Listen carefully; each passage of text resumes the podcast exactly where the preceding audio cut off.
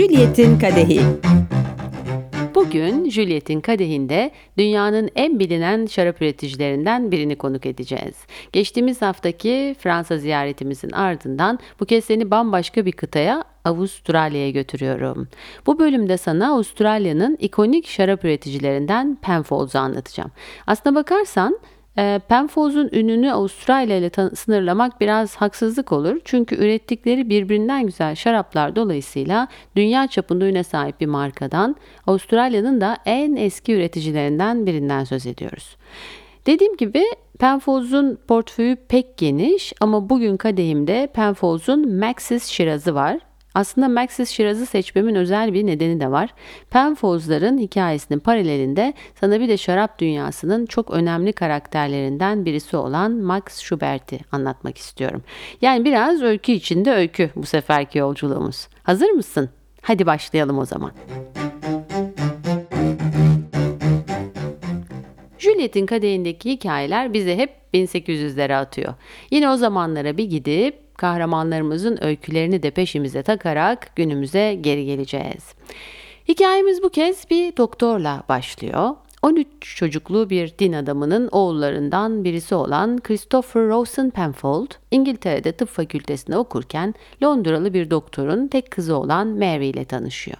Gençler birbirlerine aşık oluyorlar ve çok geçmeden evleniyorlar. 27 yaşındaki Christopher İngiltere'nin sahil şehirlerinden Brighton'da çalışıyor.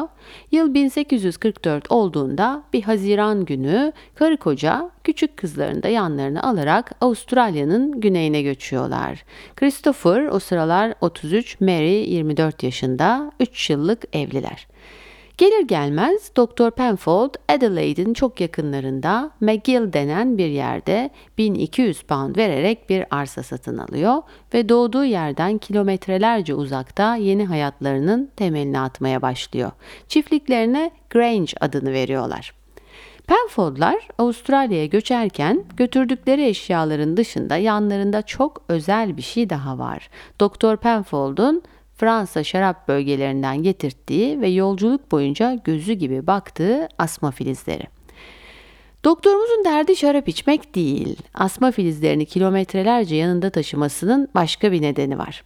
Çok inandığı bir şey var, kırmızı şarabın anemiye yani kansızlığa iyi geldiğini düşünüyor ve bu asmalardan elde edeceği üzümlerden hastalarına tedavi amaçlı olarak vermek üzere iyi kalite kırmızı şarap yapmak istiyor. Anlayacağın derdi keyiften çok medikal.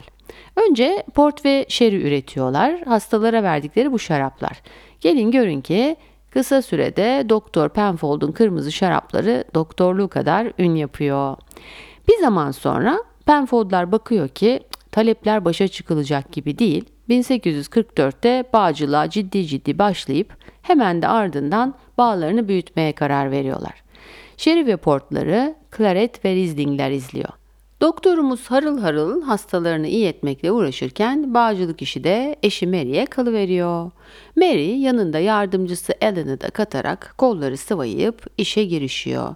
İkisi de hem bağla hem de şarap yapımı ile ilgili çalışıyorlar. Aslına bakarsanız ne Ellen'ın ne de Mary'nin şarap ve bağcılık hakkında hiç bilgileri yok. Deneme yanılma metoduyla ilerliyorlar ve bir şeyler yapmaya çalışıyorlar. Mary bağda üzümleri asmalara konsantre olup çalışa dursun. Doktor Penfold'un namı da alıp yürüyor Adelaide'de. Tıbbi soruşturmalardan otopsilere kadar her alanda aranan bir isim oluyor. Kısa bir süre yerel yönetimde, kilisede bile rol alıyor. Ne yazık ki Penfold'lar için hayat hep toz pembe gitmiyor. Yıl 1869 olduğunda doktorumuzun sağlığı teklemeye başlıyor ve uzunca bir hastalık döneminden sonra daha 59 yaşındayken ardında Mary'i ve tek kızları Georgina'yı bırakarak hayata veda ediyor. Dr. Penfold, McGill'de çok sevilen ve sayılan bir kişilik. Cenaze arabası şehrin içinden geçerken dükkanlar kapatılıyor, bayraklar yarıya indiriliyor ve McGill ahalisi sevgili doktora şanına yakışır şekilde veda ediyor. Mary çalışkan bir kadın demiştim. Kocasının ölümünden sonra bağım bütün işini yüklenip işi büyütmeye devam ediyor. Büyütmek ama nasıl?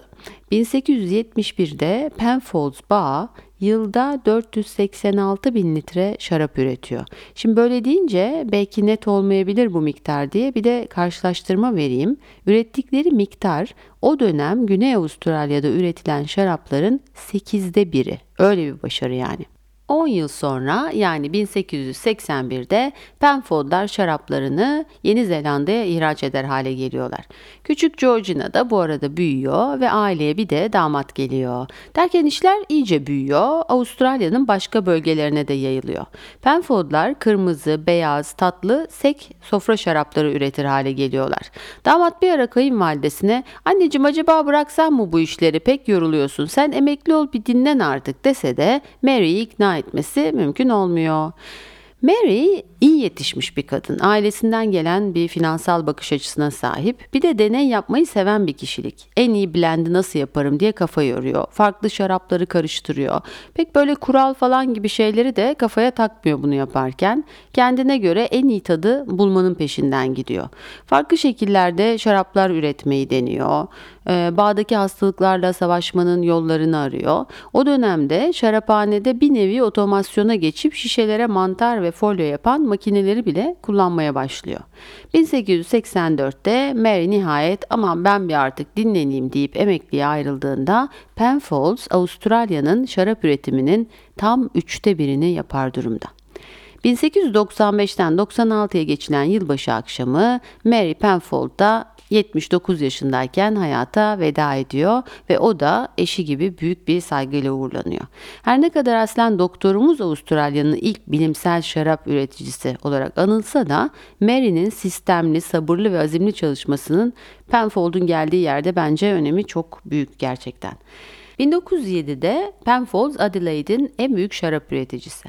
Ardı ardına yeni bağlar alıyorlar. Bugün Penfolds Avustralya'da 5 farklı yerde 12 tane bağ sahip. En büyük alan ünlü Barossa Valley'de ve toplam alanları 1000 hektarın üzerinde yani 1000 futbol sahası kadar alanları var. Kısa bir süreliğine Adelaide şehrinden ayrılalım şimdi ve azıcık şehrin kuzeyinde bir kasabaya gidelim. Yıllardan 1915, aylardan Şubat. Avustralya'ya Polonya-Almanya sınırında bir köyden geçen Schubert ailesinin bir oğlu oluyor. Demirci ustası baba oğluna Max adını veriyor. Ve tada burada sahneye yeni bir kahraman giriyor. Çünkü Schubertler o zaman bilmiyorlar ki Max ileride adını şarap dünyasına neon ışıklarıyla yazdıracak. Kader ağlarını örüyor ve Max 15 yaşına geldiğinde onu tanıdığımız bir yerin kapısında görüyoruz. Bildin Penfolds'un kapısında. Max babasının demircilik işinden dolayı atlar konusunda çok bilgili. Penfolds'da da bağın atının bakımı ve getir götür işlerini yapmak üzere giriyor. Şaraphanenin kimyagerine şarap numunelerini götürüp getirmek de Max'in işi. Gel zaman git zaman Max'in çalışkanlığı ve hevesi adamcağızın dikkatini çekiyor. Bir zaman sonra onun yardımcısı oluyor. 3 yıl sonra da McGill'de baş winemaker Alfred Wezi'nin stajyeri oluyor. Max akıllı çocuk, ustasının da desteğiyle kapağı üniversiteye atıyor. Akşamları üniversitede kimya okumaya başlıyor. Aklı fikri de tahmin edeceğin gibi şarap kimyasında. İkinci Dünya Savaşı başladığında patronunun tüm itirazlarına rağmen Max işi gücü bırakıp Avustralya ordusuna katılıyor ve cepheye koşuyor. Orta Doğu'da dahil olmak üzere bildiğin cephe cephe savaşıyor. 1945'te Penfolds'a geri dönüyor ve çok kısa süre sonra da daha 33 yaşındayken şirketin baş winemaker olarak terfisini alıyor. Savaş sonrası Avustralya'da Fino Sherry çok popüler e, Penfolds ekibi de akıllı. Bakıyorlar winemakerları yetenekli ve meraklı bir genç adam. Uçak biletini eline tutuşturuyorlar ve diyorlar ki sen bir İspanya'ya git. Onlar nasıl şeri yapıyor öğren ve gel. Onca yolu gelmişken Max İspanya ile sınırlı kalmayıp araya birkaç günlüğüne bir de Bordo sıkıştırıveriyor. Bir bakıyor ki Bordo apayrı bir dünya. 40-50 yıllık premium şarapları tadıyor, bağları geziyor, şarap üretim tekniklerini inceliyor. Bakıyor ki onlar Avustralya'da tatlı ve yüksek alkollü şaraplar tüketirken Bordo yıllandıkça güzelleşen müthiş karışımların keyfini sürüyor. Avustralya'ya kafasında bambaşka fikirlerle ve yepyeni bir hırsla geri dönüyor ve başlıyor denemeye. Aklında Bordo'da gördükleri gibi böyle kaliteli, damakta zengin bir tat bırakan, yıllandıkça derinleşen ve güzelleşen bir kırmızı yaratmak var. Güney Avustralya'da bulduğu en iyi şirazları toparlıyor. Küçük Amerikan meşe fıçılarda dinlendirdiği okkalı, taninli, hoş bir şarap çıkıyor ortaya. Max yaptığı şaraba Penfolds'ların çiftliğinin adı olan Grange ve Fransa'nın güneyindeki şirazlarıyla ünlü şarap bölgesi Ermitage'ın adını birleştirerek Grange Hermitage adını veriyor. Yıl 1951. Nihayet doğru zaman budur diyerek Grange'i görücüye çıkarıyor. Max'in beklentisi büyük ne yazık ki müşterilerin pek de aynı fikirde olmadığı anlaşılıyor. Satılmayan şişeler raflarda biriktikçe Sydney'deki satış ofisi de huysuzlanmaya başlıyor. Müthiş bir hayal kırıklığı yaşayan Max bir de Adelaide'de denemek istiyor gözdesi Grange'i. Duyduğu yorumlarsa kimsenin duymak istemeyeceği cinsten. Damağı bu tip bir şaraba alışık olmayan Avustralyalılar Max'in Grange Hermitage'ını berbat buluyorlar. Hatta laf aramızda bazıları tadını ezilmiş karıncaya bile benzetiyorlar. Nihayet 6. hasat yapıldığında Penfolds'un sabrı taşıyor ve 1957 yılında şirket Max'e hemen bu sevdadan vazgeçmesini ve Grange Hermitage işini bırakmasını söylüyor. Hatta daha da beteri ürettiği şarapla şirketin de adını kötüye çıkardığını eklemeyi de ihmal etmiyorlar. Penfolds böyle söylüyor söylemesine de adamımız asi. Max aileden Jeffrey ile kendine suç ortağı yaparak mahzende saklı bir köşede gizli gizli 3 yıl boyunca Grange Hermitage'ı üretmeye ve geliştirmeye devam ediyor. Nihayet yıl 1960 olduğunda Penfolds'u tekrar üretim yapmaya ikna ediyor. İki sene sonra Grange Hermitage'a bildiğin madalyalar yağmaya başlıyor. Hatta öyle ki Ünlü İngiliz şarap eleştirmeni Hugh Johnson, Güney Yarımküre'nin ilk premium şarabı diye nitelendiriyor Max'in şarabını. O gün bugündür halen Grange Avustralya'nın en prestijli ve en pahalı kırmızısı. 50'den fazla altın madalya alan Grange 1990 rekoltesiyle 95 yılında Wine Spectator'ın pek prestijli yılın kırmızı şarabı ödülünü alıyor. Bugün Grange Güney Avustralya'nın dünyada en çok ödül kazanmış ikonik bir şarabı olarak kabul ediliyor. Efendim kıssadan hisse bu bölümün başlığının da esin kaynağı yani bazen ısrarcı olmak işe yarayabilir. Max Schubert 1975'te aktif çalışmayı bırakıyor. Yıllardır sigara içmesine bağlı olarak zaten ciddi bir amfizemi var ve sağlığı artık pek çalışmasına el vermiyor. Ama 1983'e kadar Penfolds'a teknik konularda danışmanlık yapmaya devam ediyor ve arada bir de yine çok başarılı McGill Estate Shiraz'a imza atıyor. Penfolds 170 yılda sadece 4 chef winemaker'la çalışmış kuruluşundan bu yana. Hepsinin ortak noktası vizyonerlik ve ısrarla mükemmelliğin izinden gitmek. 1930'dan 1983'e tam 53 yıl Penfolds'u başarıdan başarıya koşturan Max, şarap dünyasında çok takdir edilen bir usta. 1994'te McGill'de hayata veda ettiğinde ardında onlarca ödül bırakıyor. Sen dinlerken ne düşündün bilmiyorum ama ben hayatının tamamını Penfolds'a adayan Max Schubert'e baktığımda müthiş bir azim, adanmışlık ve vazgeçmezlik örneği görüyorum. Juliet'in kadehinde seçtiğim şaraplar genellikle premium olmayan, özellikle Avrupa'da kolayca bulunan ve fiyatı çok yüksek olmayan şaraplar.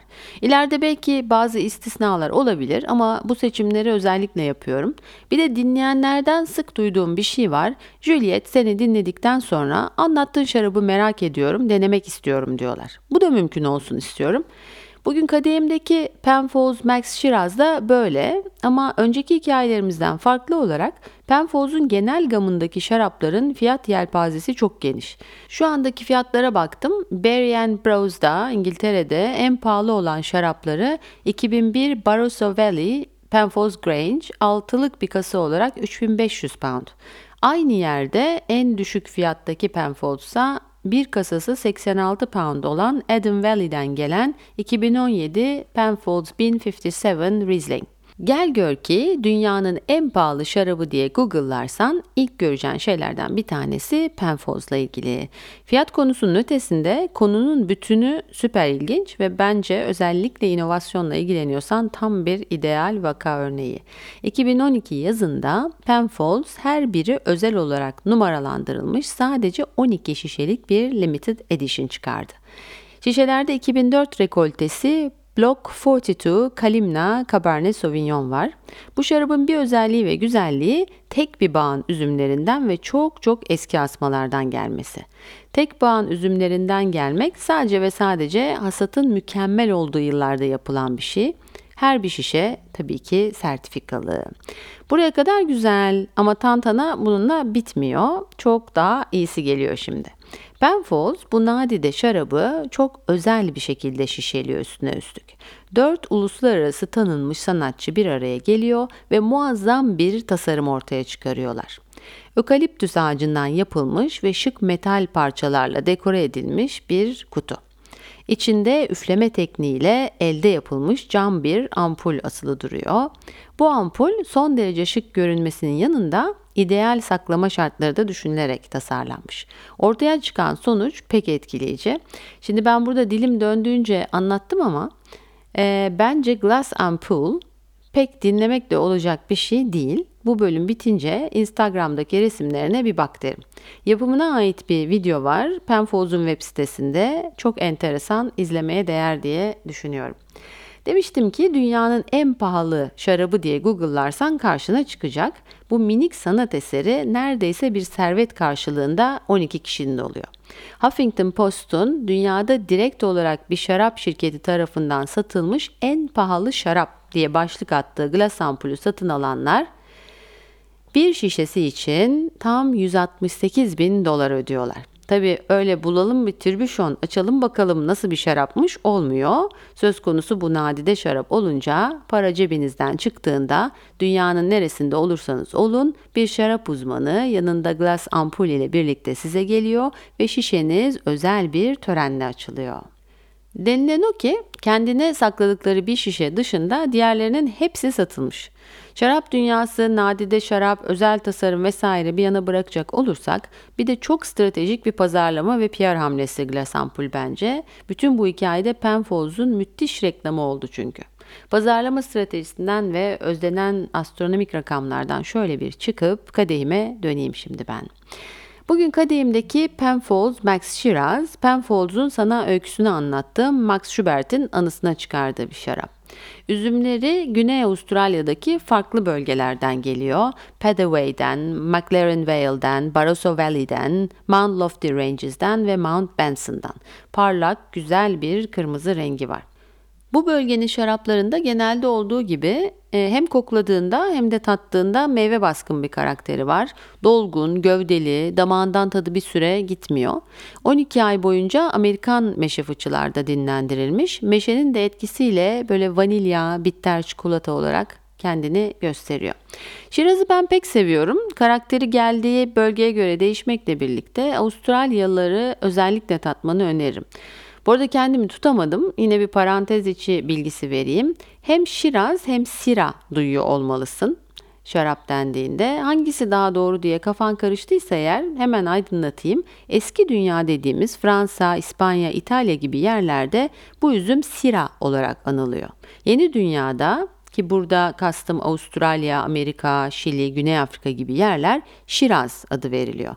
Nadiren de olsa bir yeni dünya etiketinde Sira görebilirsin. Özellikle elindeki bir Kaliforniya şarabıysa bu genellikle üreticinin eski dünya stilinde bir şarap yapımını benimsediğini işaret ediyor. Sira başta Fransa'da Kuzey Rhone bölgesi olmak üzere İtalya'da, İspanya'da var. Yeni dünyada ise en başta gelen ülke Avustralya, hemen ardından Güney Afrika. Fırsattan istifade bir bilgi daha ekleyeyim buraya. Dikkatin daha önce çekti mi bilmiyorum. Eski dünya şarap etiketlerinde bölgenin, şehrin veya kasabanın isimleri kullanılırken yeni dünya etikete üzümün cinsini yazıyor.